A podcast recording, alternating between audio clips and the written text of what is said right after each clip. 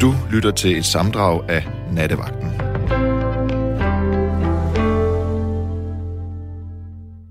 Det gør du. Vi er igennem live her fra Studiestræden. Inden på Rådspladsen, der er de ved at pakke ned fra den øh, kæmpe store samsending mellem TV2 og Danmarks Radio. De knokler. Og det vil øh, Niels Malmos og jeg også gerne gøre på jeres vegne her fra 0000 til klokken 0200. To timer. Og Niels, vi vil øh, tale om, hvad vi var bange for som børn. Mm-hmm. Og vi håber, at øh, det er et tema, som øh, vil fænge andre derude, så at I vil øh, skynde jer at gribe telefonen, når vi har spillet det første nummer. 72 30 44 44. 72 30 44 44. Nils, du har lige fortalt mig, at du er vokset op i Silkeborg. Det er jeg, ja. Du er 22 år gammel. 24 år gammel. 24, ja. Var der noget, du var bange for, da du var dreng i Silkeborg? Øhm, det har jeg jo lige haft 10 minutter til at tænke over, og det har været svært at komme på noget, øh, for at være ærlig. Ja? Jeg kan dog huske, hvis jeg var hjemme, og mine forældre pludselig var væk, og jeg var i tvivl om, hvor de var, eller et eller andet, hvis de var ude at handle. Ikke, at det skete så tit. Men der har jeg alligevel nogle få minder af, at så kunne jeg blive bange, eller føle mig alene. Og det kan man jo sige, det, det er sådan meget øh, nær frygt, Mm. som, øh, som rigtig mange børn helt sikkert vil øh, kunne genkende. Og grunden til, at jeg gerne vil tale om det her med, med børn og frygt i dag, det er fordi, jeg har min øh, 13-årige datter med her til København. Og øh, det var sådan, at dengang coronaen den øh, ligesom blussede op i Wuhan, som jo er et sted langt, langt væk, Mm. der blev hun faktisk allerede ops på det, før jeg blev det. Ja. Og så kan jeg huske, at hun en dag i bilen, hvor vi kørte i skole, spurgte, far, kan det der corona, kan det, kan det ikke komme til Danmark? Ja. Og så sagde jeg, skat, det skal du ikke bekymre dig om. Det, Mhm. det, det bliver dernede. Det kommer aldrig til Danmark. Ja. Jeg tog jo grueligt fejl. Og hun led under det i to år. Ja. Med hjemmeundervisning og isolation og alt det her. Ja. Og så skete der det, øh, Niels, her for, ja, det er vel en måneds tid siden nu. Altså før, at øh, Putin han gik ind i Ukraine, så spørger hun, kan han finde på at angribe Ukraine? Mm. Og hvad tror du, jeg svarede? Jeg forventer, du svarede, nej, selvfølgelig ikke. Lige præcis. Det sagde, det kommer ikke til at ske. Du, du, skal, ikke, du skal ikke bekymre dig, Carla. Nej, Så begge gange, der har jeg fuldstændig taget fejl. ja. Og det irriterer mig. Fordi at grunden til, at hun jo spørger, både dengang med coronaen og dengang med, med Putin, det er jo fordi, at hun bekymrer sig i det store billede. Ja. Hun har sådan en helt verdensanskuelse, Mm. som hun tager i betragtning. ja. Og det er noget, vi også lige har snakket lidt om, Niels. Altså, Ja. ja. hvordan det kan være. Fordi sådan husker jeg det ikke, da jeg var dreng. Nej, sådan husker jeg heller ikke øh, fra min barndom. Men det er jo også noget med de her medier, ikke? Lige præcis. Altså, hvor får din datter den her information fra? Det er Ja, i hun- hvert fald ikke en kilde, jeg har haft, da Nej, jeg nej. var barn. Og, og, og meget af det, det er jo fra det medie, der hedder TikTok. Ja. Og det, det kender jeg slet ikke. Nej, Det burde jeg måske som forælder have sat mig ind i, men det har jeg altså ikke. nej. Men, men du fortalte, at du har faktisk TikTok. det har jeg. Det Og har jeg. der kan man se kampscener Det er fra rigtigt. krigen. Altså, det er jo bare det her øh, videomedie, hvor alle lægger videoer op, og så er de meget sådan let tilgængelige. Altså, man ser bare videoer i flæng på øh, nogle sekunders varighed. Og der ligger øh, en masse videoer af, hvad der i hvert fald skal forestille kampscener i Ukraine. Og det er jo det her med, at man ved ikke, om det er rigtige kampscener, eller om det er propaganda af en eller anden art. Man ved det simpelthen ikke, og jeg så lige en DR-artikel, hvor, øh, hvor de snakker om måder, man kan forsøge at skelne mellem falsk videomateriale og rigtig videomateriale fra Ukraine, fordi det er så stort et problem. Og det der TikTok, har de sådan et, øh, et, et redigeringsfilter, som, som de store tv-stationer vil have, for eksempel? Findes Altså, det? Altså, det forestiller mig ikke, de har. Nej. Det, det, det kan jeg simpelthen ikke forestille mig, fordi jeg tror, der er... Øh, det er en del af mediet, at det skal gå så hurtigt fra idé til, øh, at det ligger derude, og til det hurtigt kan genererer øh, seere, og, og, og det hele er jo algoritmebaseret, og, så bliver fanget ind i den her store, ser du det her, så kommer det her lynhurtigt, og som bruger vil man hele tiden have nye videoer at se. Og når først du har set et par Ukraine øh, kampscener, og måske synes, det er interessant, jamen så øh, forstår din algoritme ligesom det, hvis man kan sige det på den måde. Og vi vil så forsøge at fodre dig med mere af det her videomateriale. Og jeg tænker, det er en del af deres sådan markedsføring, at det skal jo ligesom kunne gå hurtigt. Det er den måde, de holder os fanget som brugere af, af appen. Jeg kan huske, Niels, da jeg, da jeg voksede op i slut 70'erne i Hirtals, mm. hvor jeg kommer fra, der gik vi børn rundt og sagde, Idi Amin Uhadada. Mm-hmm. Hvad betyder det? Det, det var en øh, ugantisk, ugantisk diktator, som var meget kendt okay, i, ja. i de der øh, slutår af 70'erne. Hvad sagde du, Idi Amin? Ja, ja. Idi Amin. Ja. Og så laver Dirk Passer i en revy et nummer, hvor han siger det der, Idi Amin Uhadada. Mm-hmm. Og det, og det er jo også det er jo sådan lidt, det er jo lidt tankevækkende egentlig, fordi jeg husker ham jo ikke, fordi at jeg så noget om den her diktator i TV-avisen, fordi som Nej. barn, det, det så jeg bare ikke. Nej. Jeg hørte heller ikke radio. Nej. Så jeg havde, jeg havde kun viden om, hvad der foregik i Hirtshals. Ja. Og hvis så, at Dirk Passer, han lavede et eller andet, mm. så blev det så øh, spredt ud i hele Danmark, fordi han var bare the man. Ja. Altså, han var den største entertainer. Ja. Men han får jo så noget, der faktisk var utroligt grumt mm. dengang. Fordi Idi Amin, han var virkelig en vild, blodig diktator. Ja. Men jeg hørte jo kun det, jeg hørte jo bare navnet. Navnet. Og så humoren. Og så dengang, når, når revyplader de kom ud, så, øh, så var det jo med, med publikumslatter. Så ja. jeg, fik, jeg fik slet ikke den her fornemmelse af, at der, der sker et eller andet i verden et sted, som er vildt uhyggeligt. Nej, nej. Jeg gik bare rundt og sagde, Idi Amin, nu har det der. Mm. Og det er, jo, det er jo virkelig et godt billede på forskellen på dengang, altså slut 70'erne, at vokse op der. Ja. Og så i dag, hvor min 13-årige Carla, hun suger hele verden til sig. Ja, og det, altså, man hører virkelig meget om det nu. Øh, sidder jeg på en unge rådgivning ude for Sex og Samfund, og vores søsterrådgivning, vil jeg kalde den, altså børnetelefonen, fortalte jo, at de har mange børn, der ringer ind og er bekymrede ja. om krigen. Øh, og det synes jeg er helt vildt tankevækkende. Og overraskende, hvis jeg skal være ærlig. Men fordi det er slet ikke noget, jeg kan genkende fra min barndom. Jeg tror slet ikke, jeg havde store politiske eller udenrigspolitiske bekymringer som barn. Nej. Eller, eller meget tidlig ung som sådan. Niels, det er super afsæt, vi nu har taget til nattens tema. Hvad var du bange for, da du var barn, kære lytter? Jeg tager lige et par sms'er, inden vi får den næste lytter igennem. Der er en anonym, der skriver, tror I ikke, at børnene fra de russiske soldater får barndomsfrygt, når de hører, at Danmark sender våben til Ukraine? Våben dræber, og de russiske soldater er også mennesker med familie. Og de fleste af dem har intet valg. Og det er sjovt, at... Øh, eller der er jo ikke noget ved den her krig, der er sjovt, men det er tankevækkende, at du lige skriver sådan, fordi min øh, datter har fortalt mig om en af de videoer, hun har set på TikTok, og det er en tilfangetaget russisk soldat, der står sammen med nogle ukrainske soldater. Og russeren, han er selvfølgelig både bange og ked af det, og så lader de øh, ukrainske soldater ham ringe hjem til sin mor. Øh, og det bliver altså filmet, og herefter lagt ud og delt med hele verden. Og, øh, og det kan jo både synes som en øh, historie, hvor de viser storsind og generøsitet midt i krigens gro, men det kan jo også ses som propaganda, at de ønsker at, at fremstille sig selv på en særlig måde. Og det er det, der er så fortvivlende ved de der øh, ting, der kommer ud fra en krig, at det er næsten umuligt at finde ud af, hvad der egentlig ligger bag. Og hvordan skal en 13-årig pige som min datter kunne navigere i det? Ja, yeah. så er der en anden sms, der også tager os et godt stykke tid tilbage. Det er Jørn, der skriver, Hej nattevagt, jeg var ude at sejle som 14-årig. Jeg var i Beirut i 1967, da byen blev bombet. Der var også orkan, men jeg var ikke bange. Fedt emne. Jørgen, hvis ikke du er bange for et bombardement og en orkan, så øh, må jeg sige, at du er en meget, meget, meget modig mand. Nu skal vi snakke med Hanne. Hej, hej Mads. Velkommen til, Hanne. Øh, nu vil jeg sige noget overordnet.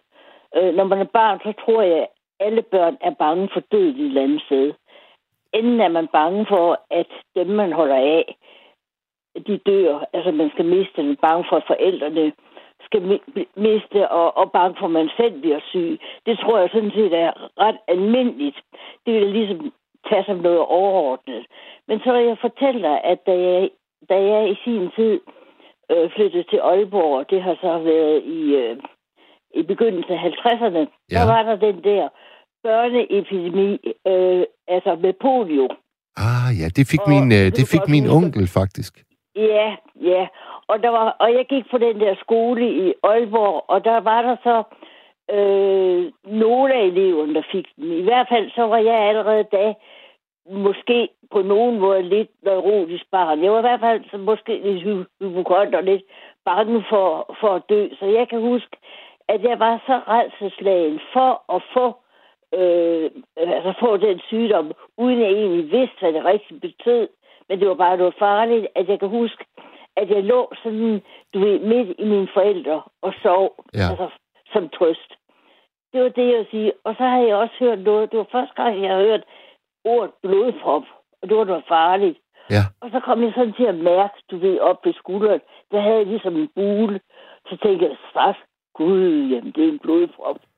Altså det er bare lige for at understrege det der med, at mange gange, så bliver man jo ekstra bange som, som barn, hvis man egentlig ikke er, bliver ordentligt orienteret om, hvad der er hvad. Ja.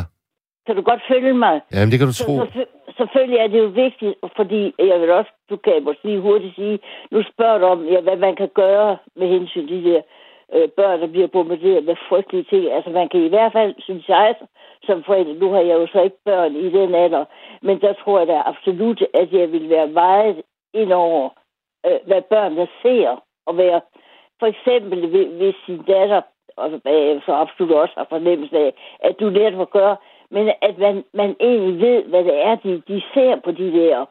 Øh, for jeg synes, at det var frygteligt, at hun, nu ved jeg ikke, hvad det der tip-top altså går ud på, men man sætter sig ned og tager en snak om, hvad de har set. Jo, men jo, ja, ja. Ikke? Altså, Altså, en af, en af de ting, øh, Hanne, som, som i hvert fald gør det vanskeligt, det er jo, at, at det er sådan nogle ultrakorte videoer. Altså, det er, jo ikke, Åh, det, er jo ja. ikke sådan, det er jo ikke sådan, at man lige kan... Når nu ser hun en dokumentarfilm på Nej, halvanden nej, time om rigtigt. øh, 2. verdenskrig, Ja, ja. øhm, det går så vanvittigt hurtigt. Og grund til, at jeg ved det, grund til, at jeg ved det, han, det er jo fordi, at hun, hun sidder jo ofte på TikTok, når vi kører i skole om morgenen, og det er sådan en Ja, øh, biltur ja. på 25 minutter. Og der vil jeg Ja. tro, at hun når at, at skøjte hen over cirka ja, 100, 100 forskellige videoer, fordi de varer måske 30 sekunder eller sådan noget. Og hvordan Ja. i alverden skulle, skulle Nej, en forælder kunne... Nej. Men jeg skal heller ikke øh, ligesom gøre mig til talsmand for, men altså, jeg ved i hvert fald, at jeg tror altid det. Jeg synes, at det, når du sådan fortæller om den måde, du har at sidde og trøste hende på, øh, og sige, altså, jeg synes, det, det, der, det, der er vigtigt, det er jo i og for sig, at du har jo selv troet på det, du sagde. Du har jo ikke, altså, der er jo ikke tale om decideret tillidsbrud over for hende. Du har selv troet på, at nej, det ville ikke ske. Ja, det er, det er Altså, Forstår sandt. du, hvad jeg mener? Ja, ja, det er sandt. Og det er vigtigt, for det er noget andet, hvis barnet får en fornemmelse af, at ens forældre bare har sagt det for at, at trøste en, uden, altså for at, ligesom at, at øh, foregøjle dem, at det ikke skete. Men det var jo simpelthen reelt, fordi du heller ikke selv troede på, at det kunne ske. Lige præcis. Det er rigtigt, Altså, det synes jeg, du ligesom skal trøste dig selv med også. Hvor, øh, øh, hvor, er det, hvor er det egentlig, du ringer fra i aften? Jamen, jeg, jeg, ringer, jeg ringer fra Højbjerg. I Aarhus. Ja. Ja. Og så vil jeg så sige, så var så også en anden ting. Øh, så kan jeg huske, altså det, det var på samme tidspunkt, der i begyndelsen af 50'erne, øh, der så jeg for første gang, du i striberne efter sådan en flyvemaskine. Øh, du ved godt, de striber, der kan komme øh, Ja, ja, ja. efter et fly, ikke? Ja. Og der er der været, og så var der nogle håndværkere, der sagde til mig, at det var et tegn, hvor nu gik, nu gik verden un- under. Du ved, det er sådan nogle ting, som jeg husker min barndom, som jeg var skrækslagen for. Og du, du, kunne ikke lade være det- med, at- du kunne ikke lade være med at give dem øh, en lille smule øh, tiltro. Altså, du, du troede lidt Nej, på det. fordi jeg, jeg, altså, jeg ved jo ikke, om de har, de har sagt det for at synes, det var sjovt. Og, og jo, det havde det. Altså, det var, de troede da ikke selv på det. Jeg tror, de ville give mig lidt gys. Men det, jeg var skrækslagen, men så går jeg jo selvfølgelig ofte. Det synes jeg, fandt meget trøst ved at gå, gå hjem til mine forældre og sige, hvad det var, jeg var bange for. Ja. Nå, og så, så, kan du, så kan du spørge du tit om, hvor jeg kan tage, tage dig hen. Nu kan jeg tage dig hen i, jeg tror, det var i 58, hvor Ungarn øh, gik ind, eller Rusland gik ind i Ungarn. Og det, det var i 56? Altså 56, nå. Men der har jeg så været, jeg så har jeg været 15 år. Der var jeg så bange for, at mine to ældre brødre, den ene var fire år ældre, den anden var seks år ældre, at de skulle blive indkaldt og skulle komme i krig. Ja. Altså, så det var jeg frygtelig bange Jamen, det, for. det, er jo, det, er jo, det er jo et, et interessant øh, øh, emne, du lige bringer frem der, fordi hvor, hvor tror du, du hørte om det der øh, Ungarn, øh, Sovjetunionen? Var det, var det i tv, det har, eller? jeg, det har jeg sikkert kun, det har jeg sikkert hørt i radioen, eller også, eller også har det været i aviserne, eller også kan det også godt være, at øh, jeg ved ikke, jeg kan ikke mindes i sig, at brødrene talte om, men jeg kan i hvert fald huske, at, at jeg var bange for specifikt det, for ellers så var jeg jo ikke ligesom din klare, øh, vidste jeg jo heller ikke noget om den verden, der foregik Nej. omkring mig, fordi man fik jo heller ikke nyhederne ind på den måde der. Men, Nej. øh, men så noget andet, det er meget sjovt, folk siger det der, eller ikke folk, de indringer, siger det der med, med lyn. Der kan jeg også godt fortælle dig, altså fra, altså indtil jeg var otte år, så bliver jeg øh, sendt til Dronning Lund hos min øh, onkel og faster. Ja. Nærmest nok, fordi jeg var sådan en stenbro, et stenbro barn, der havde godt af at komme på landet og blive fedet op, og når jeg kom derop, så blev jeg øh, vejet og fundet for let, kan man godt sige. Ja. Og så blev jeg opfedet, og så fik jeg klippet hår, og, og der var sådan alle ting. Men der kan jeg så huske, når vi så sad ind, det var et, øh, det var et lægehjem. Et, altså, min, min onkel, han var, han var læge. Ja. Og øhm, de havde sådan i mine øjne en kæmpe villa med meget mange spændende ting. Og, altså, fordi jeg kom jo fra en lille lejlighed i Aarhus, så det var sådan, for mig var det nærmest sådan en eventyr, fordi de var i mine øjne meget velhavende. Og der havde de så også en, en ung pige, og der havde de i huset sådan et gammeldags komfur. Og der kom stuepigen, eller køkkenpigen har så været, hun kom gang på gang og sagde, at nu er det igen slået ned i komfuret. Og så på et givet tidspunkt, så, så oplever jeg, at lynet slår ned i en ledning, som brænder over. Og siden den dag, så var jeg, det jeg, var, har jeg været så bange for, øhm, for, for tordenvejr. Ja. Og så kan jeg huske, så skete der det, at der havde været 13 år, tror jeg var. Hver gang der var tordenvejr, så gik jeg ud i gangen og puttede mig ind under frakkerne, jakkerne. Ja. Du ved, der hang dernede. Altså ligesom sposen, der, der putter hovedet ned i. Ja, ja, ja. Så, ja. Det var Hvad, sådan, hvad skete der med dine øh, to brødre, Hanne? Kom de Jamen, ind de til... blev ikke indkaldt. Okay. Altså, det gjorde de ikke. Og jeg ved heller ikke, altså, jeg ved ikke nok om det, om, øh, øh, om, om der var nogen, der blev indkaldt i det hele taget, eller om, men i hvert fald, der må jo have været ligesom tale om, at det kunne komme på tale, at Altså, det er jo, det er jo også, øh, det er jo også øh, en de anden var i grund... hvert fald, jeg skal lige sige, de var jo begge to, de havde begge to været so- soldater. Så derfor var det reelt nok, de, de var ikke, øh, øh, du ved, de var, øh, den ene var inden for, ja, det ved jeg ikke. Den ene var ved søværende, den anden var noget andet. De var Men i ikke, de var ikke ja. militærnægtere. Nej, det var det, var det ord, jeg lige efter, faktisk. Ja. Og dengang, dengang i 56, der modtog vi jo faktisk også vanvittigt mange øh, flygtninge fra Ungarn. Det gjorde vi netop, ja. Ja. Ja, det gjorde vi. Så Og kan, var... kan, kan du huske, om du mødte nogen?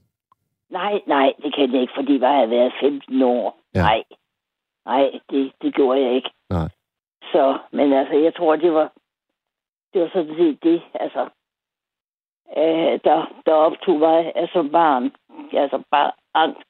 Angsten for at blive syg, og jo, så er også noget, jeg var bange for, det tror jeg mange var. Øh, jeg var bange for tandlægen. Ja, Og ja. det foregik jo på den måde, at man sad i klassen, og så kom der en eller anden, øh, øh, jeg ved, en, anden, en af de der klinikdamer ind, og så sagde de, øh, og Hanne skal ned til tandlægen nu. Ja. Altså, man blev helt ud af, ikke?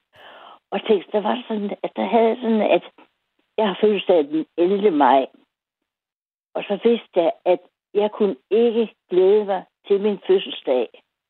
Fordi jeg vidste, inden da, der skulle jeg til tandlæge.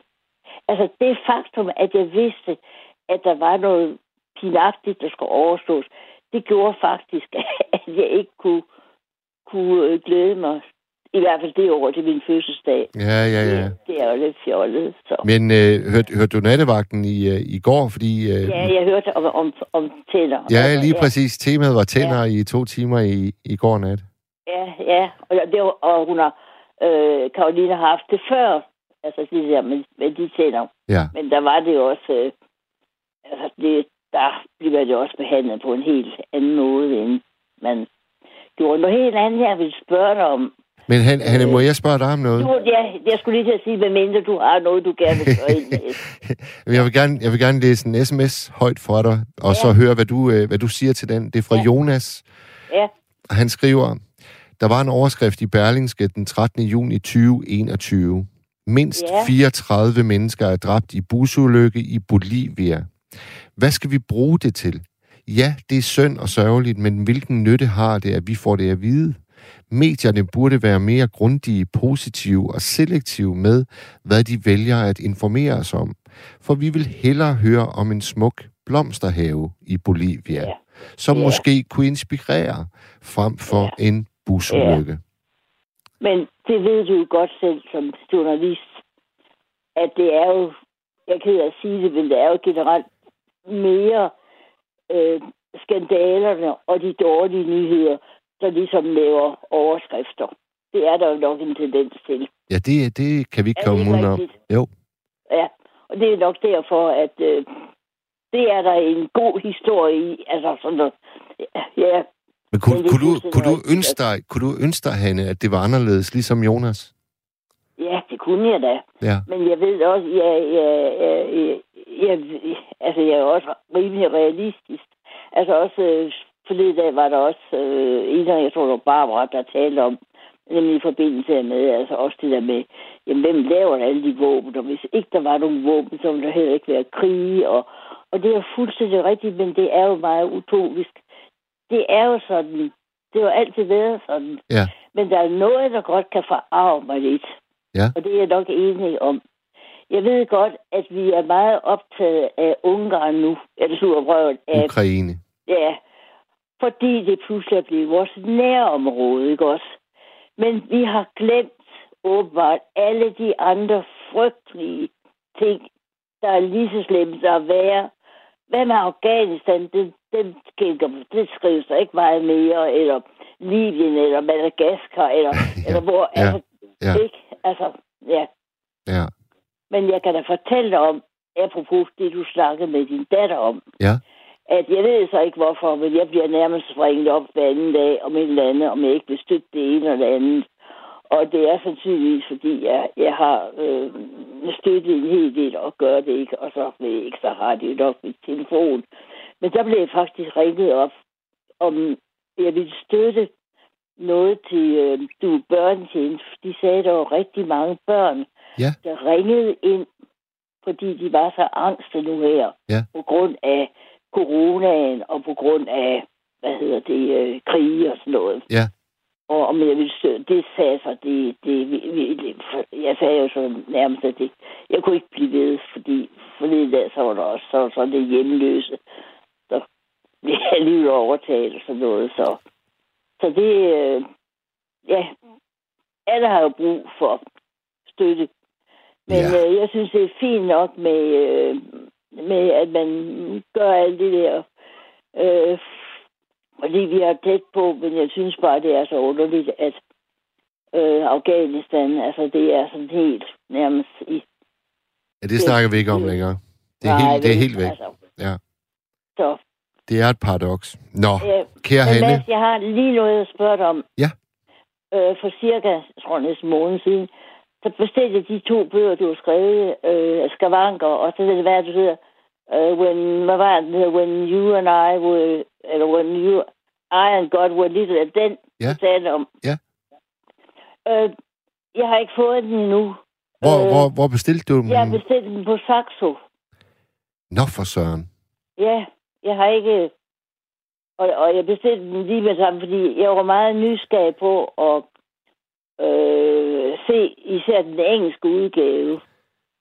Ja. Fordi jeg tænkte på, øh, du talte jo om, at du havde fået den oversat. Jamen, det er rigtigt. Men altså, du havde jeg kan... lagt Øh, mærke til, have, så, vil jeg lige sige noget til Mads. jamen, han, han, han- han, han, kan du ikke skrive øh, til mig øh, på, på Facebook? Fordi jeg har et Jamen, jeg er eksemplar... ikke på Facebook, nemlig. Nå, for søren.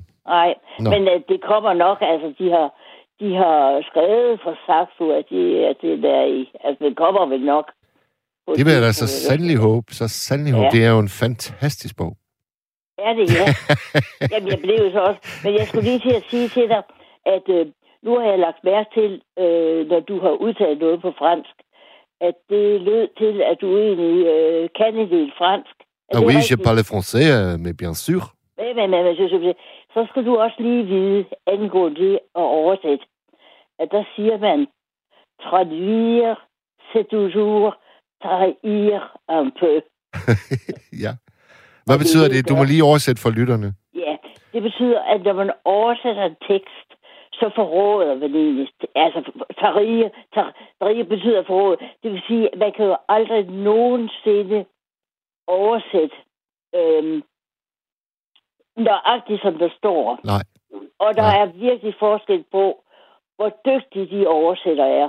Det er Og rigtigt. så var- jeg bare meget nysgerrig på, hvor godt det var oversat på engelsk. Men det kan jeg jo også kun vide, hvis jeg i og for sig havde de danske oplevelser, jeg ikke har. Men alligevel kan jeg godt have en fornemmelse af, øh, hvordan og hvorledes.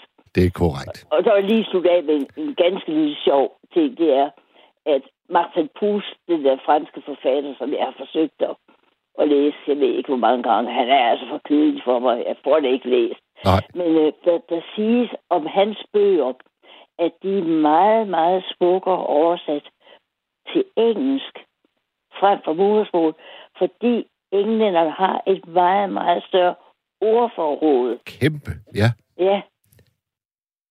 Og jeg kan også huske det, øh, hende den nye, der skal oversætte øh, den, øh, øh, den nye Dostojevski.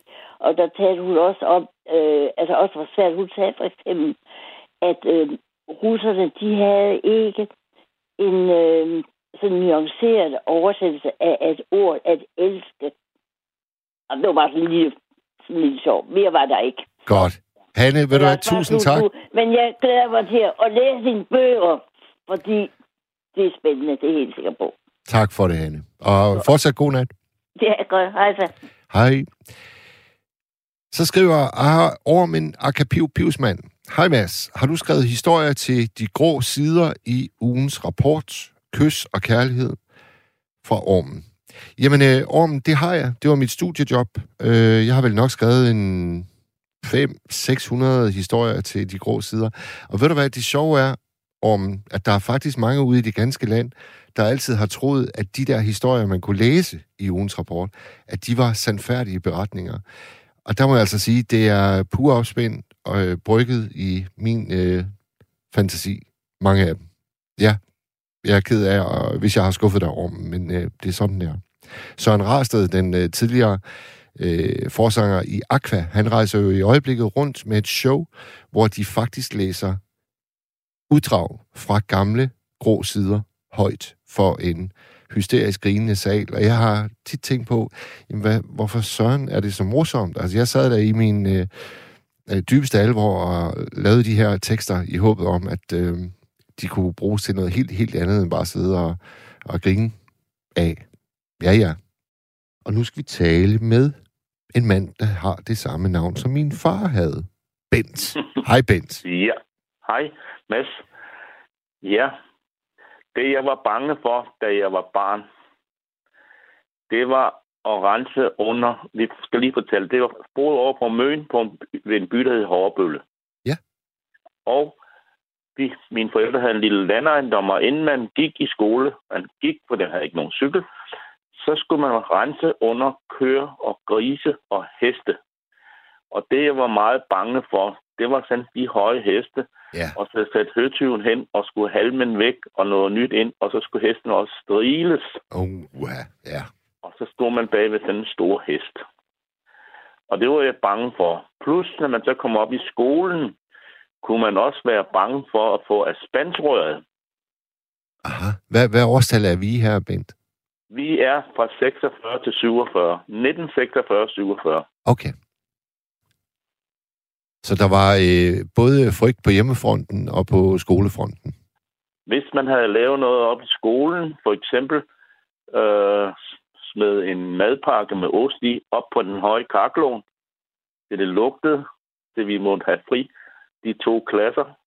Og så næste dag, det blev opdaget, så skulle man i skammekrog, og så skulle man have aspandsrøret. Den der, den der skammekrog, hvordan fungerede den i praksis? Det var et skab, der var sat ind mod en væg, og så var der sådan lige et rum på en, en lille meters penge. Der blev man sat ind og stå og der og ventede på, at spandsrøret det kom. Oh, ja, det lyder sgu grumt. Ja, jeg har også striber af det endnu. Kunne man, kunne man øh, kigge ud, når man stod inde i skammerkrogen? Nej, det kunne man ikke. Man kiggede ind i en væg. Og var der, var der bælragende mørkt, eller? Nej, det, det var inde i selve lokalet, den der skab, det stod, så var der lavet sådan en, en, en skammekrog på en meter. Okay. Og så stod man der og ventede og vidste, at øh, når du blev hævet ind igen, så, så vankede der med spanskrøret. Det gjorde det, ja. Hvad var værst? Din frygt for at gå i skole og opleve det, eller at øh, move ud under hest? ah, det har været sådan 50-50. Okay. Men skete der nogensinde noget øh, med, med heste? Nej, jeg er aldrig blevet sparket. Nej. Af hestene.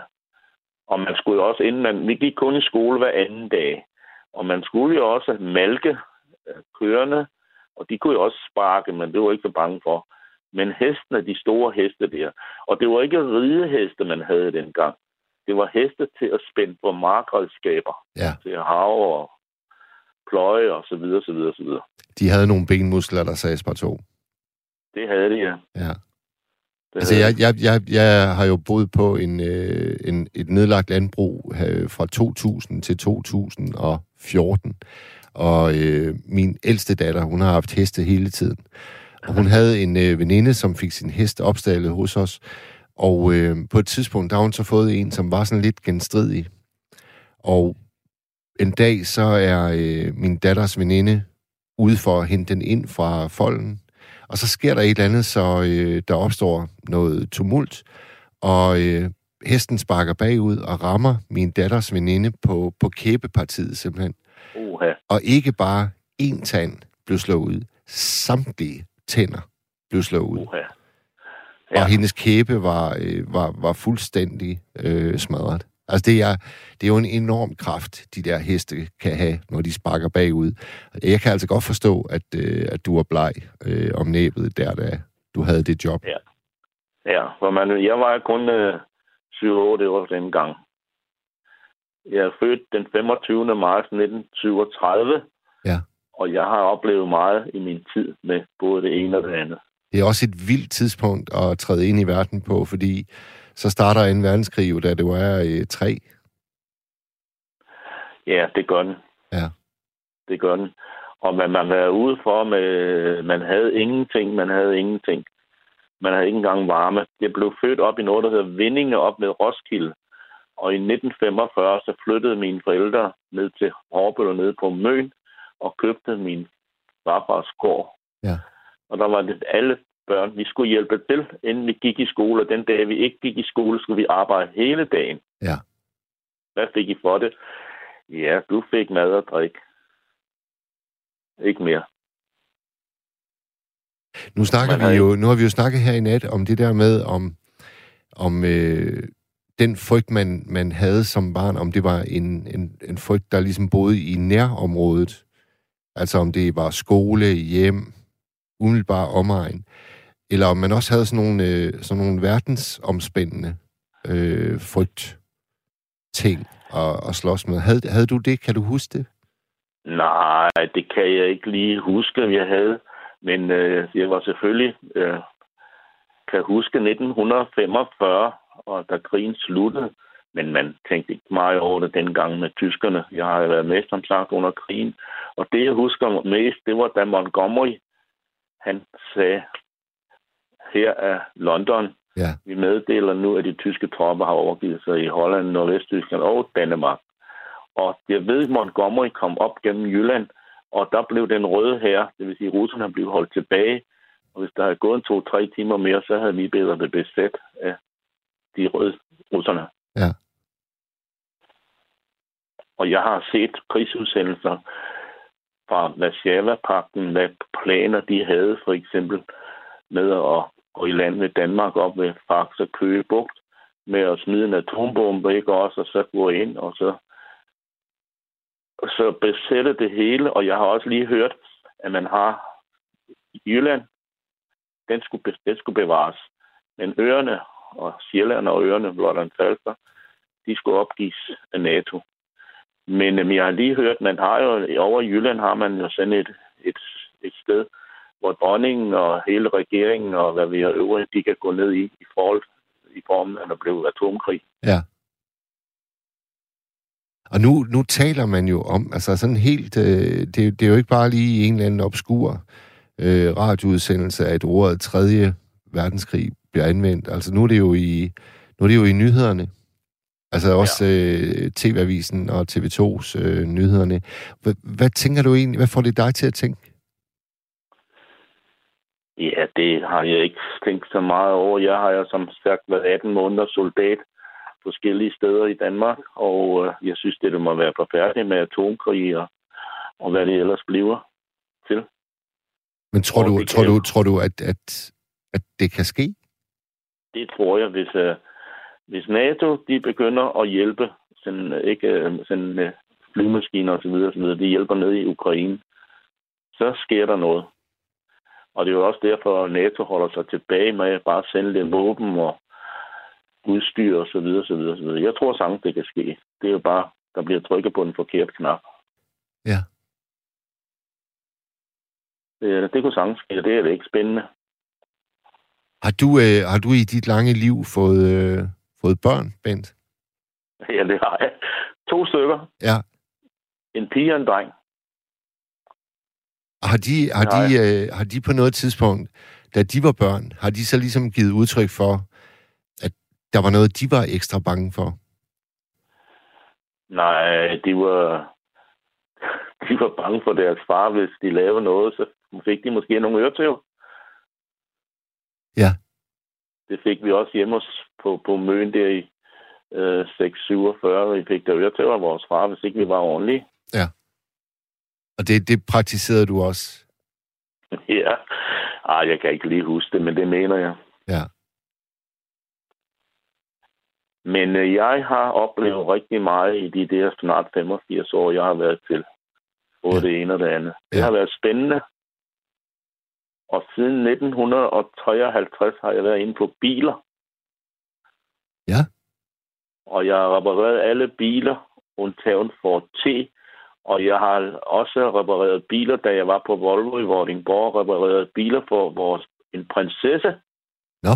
Og hun hed Margrethe. Det var hende, der senere blev dronning. Hold da op. Hun kom fra Volvo i Vordingborg. Hun holdt lidt til. Den første bil, jeg lavede, det var en Volvo 210. Der skulle hun ned og grave ned i Ægypten, eller hvor fanden det var hende. Og så senere, så holdt hun jo til ude på en herregård, der hed Rosenfeldt. Ja. Og der blev en bil, der kom hun ikke selv. Men det var hun med den der Volvo 210, da hun skulle ned og grave. Og jeg husker tydeligt, øh, den her Volvo 110, der var sådan en lille klap med nummerplade på. Det var ikke kongelige nummerplader, men den blev lige klappet ned af prinsesse Margrethe. Okay. Hvorfor den store.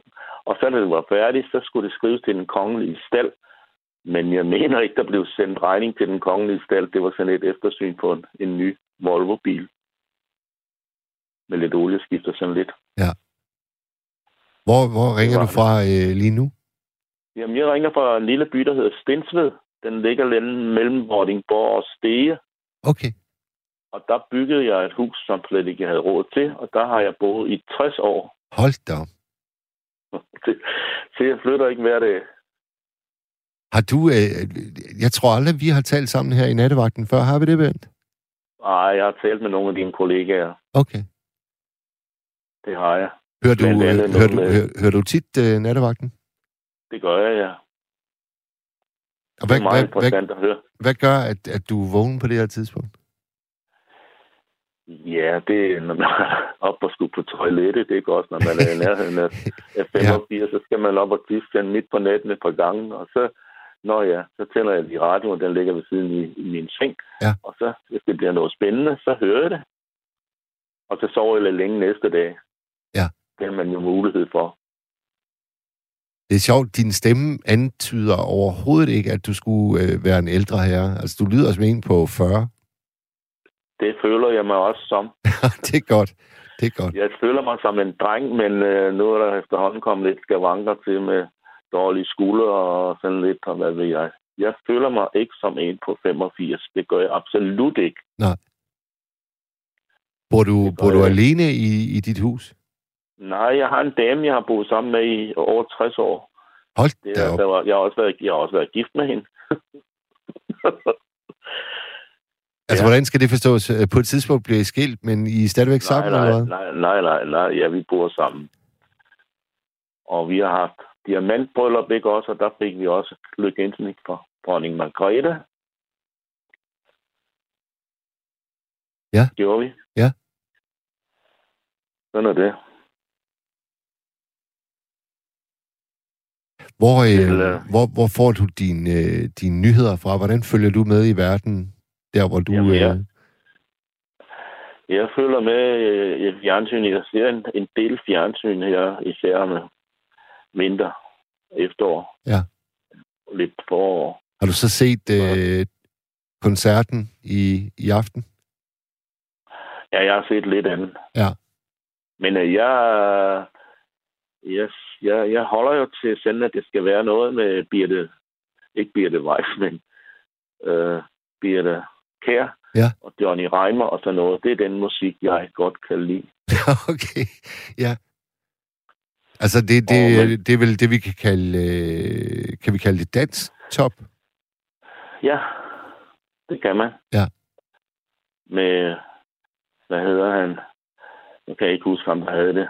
Om der havde danstommen i Danmarks Radio. Den blev jo så forbudt. Og jeg ved ikke, om du har hørt om Radio Merkur. Jo, jo, jo, det var på et skib. Det var på et skib ude i Øresund. Ja. Og den kom, fordi øh, Danmarks Radio-direktør, de ville jo ikke have, at vi skulle køre til noget lødig musik, som Fregnede Louise og, og jeg ved ikke, om du kender dem, Landsbyens Skadekær og alle dem der. Jo, jo, Det jo. måtte man ikke, det måtte man ikke høre. Det var ikke lødig nok. Og så kom Radio Mercur og spillede, og Radio Luxembourg Ja. hørte man også til, der der var unge menneske.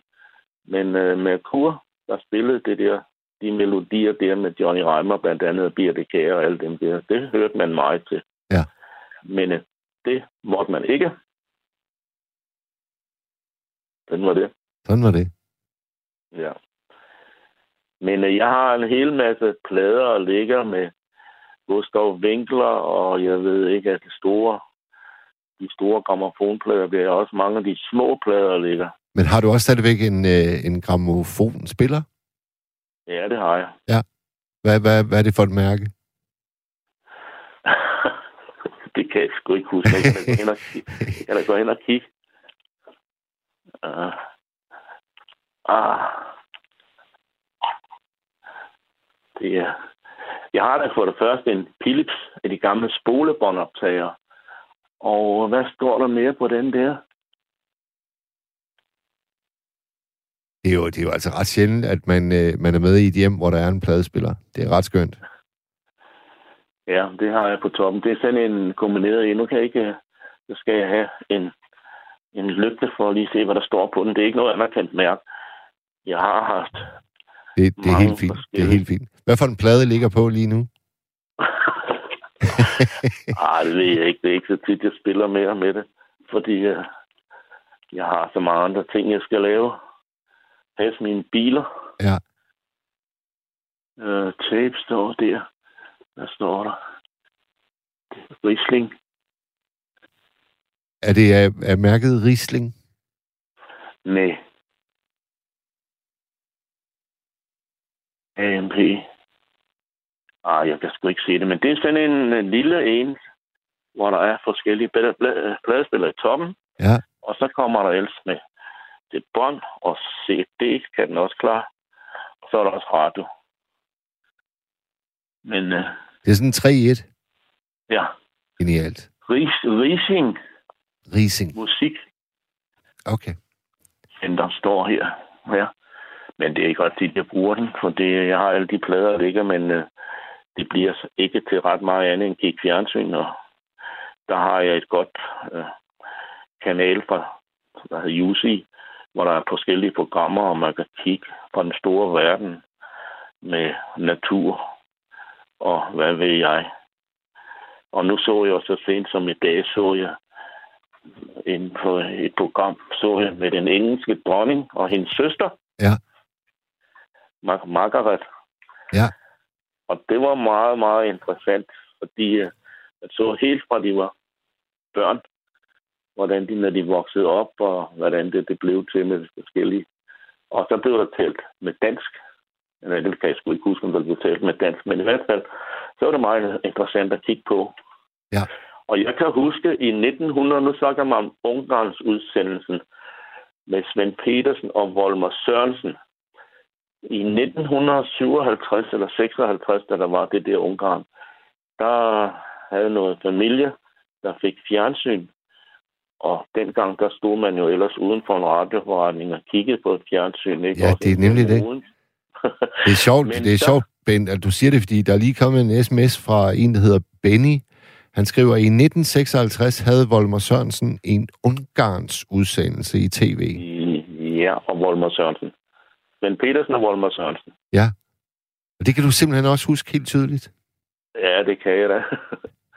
For det var jo første gang, jeg så fjernsyn inde i stuen. Ja. Ellers kunne man jo kun stå de enkelte steder, hvor der var en radioforhandler, og kigge ud fra vinduet. Det var helt fantastisk. Man kunne sidde inde i stuen og, og se billeder. Ja. Det var det. Men det husker jeg meget tydeligt, det der. Og der var man jo meget... Det var igen russerne, der var på spil jo ikke også, både med Ungarn og Tjekoslovakiet og hvor de ellers har været Men han, Ja, handlede, handlede udsendelsen om, at nu skulle vi gøre os umage for at tage godt imod flygtninge fra Ungarn, eller kan du huske det? Ja, det, det mener jeg. Ja. Det mener jeg. Ja. Det gjorde. Ja, det gjorde den. ja. Men øh, sådan var det jo. Og så siden så har man... Altså, jeg ser også karneval fra Tyskland, og sådan er det faste lavn. Og til at begynde med, at jeg kun havde sort-hvid fjernsyn, ikke? Og så sad man og en lille stue tændte, så sad man der og kiggede på det der karneval med de store op- vognoptog ved faste lavn. Ja. Og så senere, da der går en år, så fik man råd til at købe et fjern, farvefjernsyn. Det kostede 5.000 for nær 5 kroner. Og jeg havde en radioforhandler, som jeg købte det af selvfølgelig, og han sagde, jeg fik sort-hvid, det gik i stykker, og det kostede 1.500 kroner, at fik lave det. Og så sagde han, hvis du kommer igen ind et år, så får du de 1.500 kroner tilbage. Nej, det var jo kun 500 kroner. Og da jeg så kom et år efter, han havde 30 mand i arbejde, han hed Viggo Andersen Ja. i Vordingborg, Ja. så sagde han, så har du jo også de der 500 kroner, som du fik lovet, fik lavet dit fjernsyn for. Dem skal du selvfølgelig trække fra det der farvefjernsyn til 5.000 minus 5 kroner. Og det var vildt. Det var et Finlux fjer- farvefjernsyn. Der var rigtig gode farver på. Det var vildt. Det Som var almindelig vildt. mekaniker. Ja. Som almindelig mekaniker og så få et fjernsyn. Farvefjernsyn. Det var det. Jo, Bent, øh, det har været en fornøjelse at snakke med dig. i lige måde. Er det rigtig godt dernede i, var det, var det Stensved? Stensved, ja. Det er øh, ikke at sige Vordingborgs største by, men det er det eneste sted i Vordingborg Kommune, hvor vi har McDonald's, okay. og, og vi har en Renault-forhandler, der har eksisteret her i 60 år. Og nu har vi lige fået en ny bilforhandler med Peugeot, Citroën og Opel Nå, nå, nå, nå. til noget, der vil noget. det er godt, Bent. Bent, ha' det rigtig Ja. godt. Lige modtaget. Hej. Hej, hej. Ja, så kom vi øh, ned på Vordingborg-kanten. Vi har øh, små 11 minutter tilbage, og den sidste, vi får igennem i nat, det er Anker. Velkommen, Anker. Og ja, goddag. Tak fordi du vil øh, være med her øh, på sidste vers i denne nats udsendelse. Ja. Øhm, jamen, øh, der er jo mange ting at være bange for. Ja. Og øhm, det er, er ringt ind om, det var jo, at dengang i 80'erne og også i 70'erne, der var vi jo bange for den kolde krig og Sovjetunionen og alt det der løg der. Ja. Og det øh, kommer jeg så tilbage. Nu kan man så sige, ja, det jeg, gør det jo. Altså, Anker, jeg kan da høre, at vi er i, uh, vi er i Nordjylland. Er det, er det dig, der, der har haft en del med Kim Larsen at gøre? Ja, Ja, jamen, så har vi da snakket sammen. Ja, ja, ja, ja. Ej, det var, det, det var, det var, øh, det var lige i start af 90'erne. Da han spillede med Belstar. Ja, ja. Det mødte ham en del gange. Ja. Men, øh, men, men øh, du, du, du, du snakker jo med om, at det der med, at, at øh, øh, altså nu, nu, nu, nu hørte jeg det med tandlæge. Og det var også som barn bange for tandlæger, og man var bange for det og det. Men jeg tror et eller andet sted, at øh, vi mennesker, vi er jo bange hele tiden. Der er altid noget nyt. Når du, du kommer over én ting, så dukker der noget nyt op. Ja, og, og, og, og det er jo det, der lige er sket for min, øh, min datter, altså to år med corona, og så lige så snart det endelig bliver hævet, ja. og nu skal vi ikke øh, være bange for det, så kommer der en, øh, en stor øh, nation, der så kører ind over grænsen til et naboland og smider bomber. Ja, ja. Det er, det er, altså, det, jeg, synes, jeg synes, det er hård kost. Det er hård kost for alle mennesker, men det er saftsus med især hård kost for, for de små. Og øh, det er du fuldstændig ret i. Og øh, jeg tror på, at nu, nu har det der i Afghanistan, med Taliban, de overtog. Øh, ej, det var forfærdeligt, og medierne, de var fuldt af det, og det kan jeg godt forstå. Og det er glemt nu. Fuldstændig, det, det fuldstændig. Det er for nu. Ja, ja. Ja. Og så dukker, så, så dukker det, det nye op. Og det jeg tror på. Og, og jeg vil ikke være upopulær. Men nu er det øh, Ukraine, og jeg har ondt af Ukraine. Og Putin har en skiderik og alt det der. Det kan vi enige om. Men jeg tror på, om tre måneder, så er der noget nyt. Så er vi ude af det. Så gider vi ikke snakke mere om det. Så dukker der noget nyt op. Og det tror jeg, at øh, medierne i gamle dage, øh, det tror jeg, det var dem, som var, var, var, var øh, øh, jamen, nu kan jeg huske, øh, Vietnamkrigen, det sluttede i, i øh, øh, hvad fanden var det, den sluttede? Var det ikke i 75. 75, 76? Ja, i 75. Hvor gammel, hvor gammel var du der, øh, Anker? Det var otte år. Ja. Og, og, og der dukker altid nyt op, og nye farer op hele tiden. Og, og, og øhm, jeg tror bare, at, at, at øhm, ja, at, at, at, tvivl, i tvivl, i tvivl. Men, men sted. den, dengang du, øh, du voksede op, Anker, fulgte du med i den store hvide verden, eller var du sådan meget øh, lokalt orienteret? Øh, altså min far, han var meget um, politisk øh, bevidst om øh, ting og sager, der skete. Og han, øh, øh, det snakkede de meget om, at øh, Sovjet med Brezhnev og alt det her løg der, øh, og Stalin, som var en stor djævel, og det der daten, og Sovjet, det var fjenden, og USA, det var de kritiske overfor. Og det var så Vietnamkrigen. Ja. Øh, og, og, og jeg, jeg tror bare, at, at, at øh, vi, vi øh, øh, de- jeg skulle lige snakke om min barndom. Og nu, nu, begyndte jeg, i, i, de andre, de begyndte jo at snakke politisk snak. Et andet sted. Øh, jeg tror, øh, først og fremmest, så tror jeg, at det der med, at øh, der er nogle ting, du er bange for i din barndom, men, Ja. og det er også det, at dine forældre er bange for. Og det der tal, den går på. Øh, jeg tænker på alle de informationer, børn får i dag, som mine fik på samme måde. Ja. Jeg kan huske, at til min far, øh, far øh, det var så med, den, øh, med Sovjet, blev der krig. Så det var atomkrigen, vi var bange for. Så sagde han, nej, det sker han. Det sker han. Men i dag, der er folk jo børn på mobiltelefoner.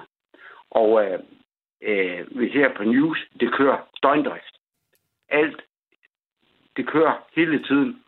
Og jeg kan huske min søn, nu har jeg en søn, han sagde til mig, far, øh, ej, jeg, jeg er 13 år, og han var virkelig bange. Så siger jeg, far, det er da atomkrig. Det krig? Ja. Så siger han, det gør den. Det gør den, det, det gør det ikke i Danmark. Og det sværger, det gør den. Men alle steder, der får vi informationer. Men, men det, Anker, der, der, der gav du jo faktisk din øh, knægt det samme svar, som jeg gav min datter. Ja, ja. Ja. Snak videre, snak videre. Jeg synes, det er fornuftigt, du sagde der. Prøv, hvad sagde du der? Jamen, jeg sagde, jeg sagde bare, jeg tror, vi, vi, vi, vi siger det samme til... Og det, det, vi har jo jævnaldrende børn, kan jeg forstå.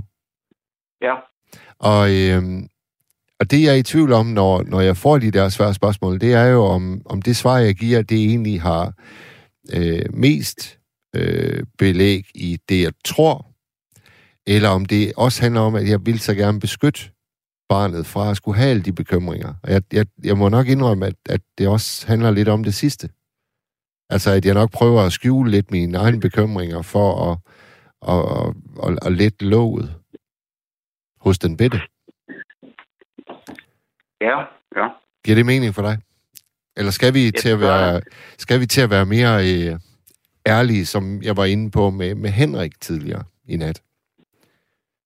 Ja, måske, måske. Men jeg tror også noget andet. Det er, at, at øh, øh, nu der, hvor vi gik ind i Irak, angreb dem, Ja. det var en retfærdig krig, som anmelder det var. Jeg synes, det var uretfærdigt, vi gjorde det. Og, og, og øh, det jeg forsøger at forklare min søn, det er at sige, at der altid har været krig. Lige siden, øh, nu, nu har vi lige været i gang med at læse noget om uh, vikingekrig, ja. hvor vi angreb vi gik ind i England og det og den. Ja. Der har altid været krig. Men det, jeg synes, der er lidt sørgeligt ved det her, det er jo, at, at jeg håber, jeg får sagt det på den rigtige måde. Fordi at man skal passe på, hvad man siger nu. Det er jo, at vi angreb Irak. Vi angreb Afghanistan. Ikke? Afghanistan er glemt nu. Det gider vi ikke snakke mere om, fordi det, så sådan er vi åbenbart. Og jeg tror bare børn, hvis vi tager børn, de er meget forvirret. Fordi der er jo krig altid. Ikke? Og, og, og, og, og, og det jeg forklare, forsøger at forklare min søn, det er altså at sige, jamen, jamen det er mærkeligt at, svære, øh, at snakke om, men det er jo, at når der er en konflikt, nu var lige Afghanistan, så kommer øh, øh, Ukraine, og om kort tid, så kommer der en ny krig. Ikke? Det vil sige, de er op, de, de, de oplever, der er en konflikt hele tiden. Og hvis ikke der er det, så er der terror, og så er der noget andet. Og det tror jeg, at vi to, vi havde det nemmere i ja. vores barndom. Ja, Jamen det, det er jeg også helt overbevist om, at vi havde, Anker. Øh, og, og, og ved om det er medierne, der har skylden, det, det ved ikke. Men, men vi, vi, vi får informationer hele tiden, og så tænker jeg på de stakkels børn og stakkels unge mennesker, der hele tiden, det kører hele tiden. De gjorde det inden i din barndom. De gjorde det i min barndom. Kan du forstå det? Ja. Altså, øh, det, det, det, ja, det, det er svært at snakke om. Det, det er svært, fordi jeg er også lige så bekymret, som du er. Og, og, og altså til min søn, det bliver ikke krig. Det tror jeg ikke på, det bliver. Nej. Men vi kan jo se, trods af Putin han er. Ja. Altså, ja. Øhm, øhm, og det tror også dem, der ringer ind, som også er bekymret, som du oplever. Det er godt. Øh, ja. Øhm, men, men, men, men, men jeg er bekymret. Jeg, jeg er bekymret, fordi vi ved ikke, hvad det ender med. Det ved vi jo. Nej. Vel? Nej, det er det. Men, men, ja, ja. Så, så øhm, ja. Anker, øh, hvorfor er du egentlig vågen på det her tidspunkt? Fordi jeg synes, det var et godt, godt program, du laver. Jeg, jeg synes faktisk, du øh, må, må, må, lige sige en ting. Ja. Jeg synes, du er en god studievært. Tak skal du have, jeg, det, det, det der sidste program, du lavede med at gøre noget godt for nogle andre mennesker, hvor jeg gik rundt i, i, øh, i naturen og rører lidt op, når andre de smider noget, ikke også? Og Ja. så fortalte, I har lavet en gruppe nede ved Hirsals, hvor I rører op nede på stranden. Ja. ja. Og så tænkte jeg bare, hold da kæft. Øh, altså det der med at gøre noget, noget godt for andre mennesker, Lige præcis. Øh, det kunne jeg godt lide, og det kan jeg huske. Det, det, det, det min søn havde hørt, øh, han hørte jo, øh, at lige optaget lidt af programmet, så sagde så, så, så, så sagt, jeg skide godt lide dig, Anker. Men, og så blev min søn glad, da han så stod sagde det. Men jeg synes, at, jamen, jeg, jeg synes, du samler gode emner op, og du fortalte også, du, du startede den udsendelse med at sige, at Kim Larsen, han er færre 400.000 til et eller andet halvøj. Øh, og ved du hvad, Anker, nu er der altså desværre kun 6 sekunder tilbage af programmet. Jeg kan kun nå at sige godnat til dig, godnat til alle lyttere, og vi vender stærkt tilbage. Du har lyttet til et sammendrag af Nattevagten.